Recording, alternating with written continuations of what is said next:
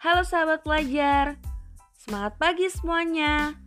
Walau bukan pagi, harus tetap semangat ya. Karena di sini kita akan membahas tentang pengalaman menarik seputar pelajar dan sekolah. Yuk, share juga pengalamanmu di Sapa Tangerang Podcast.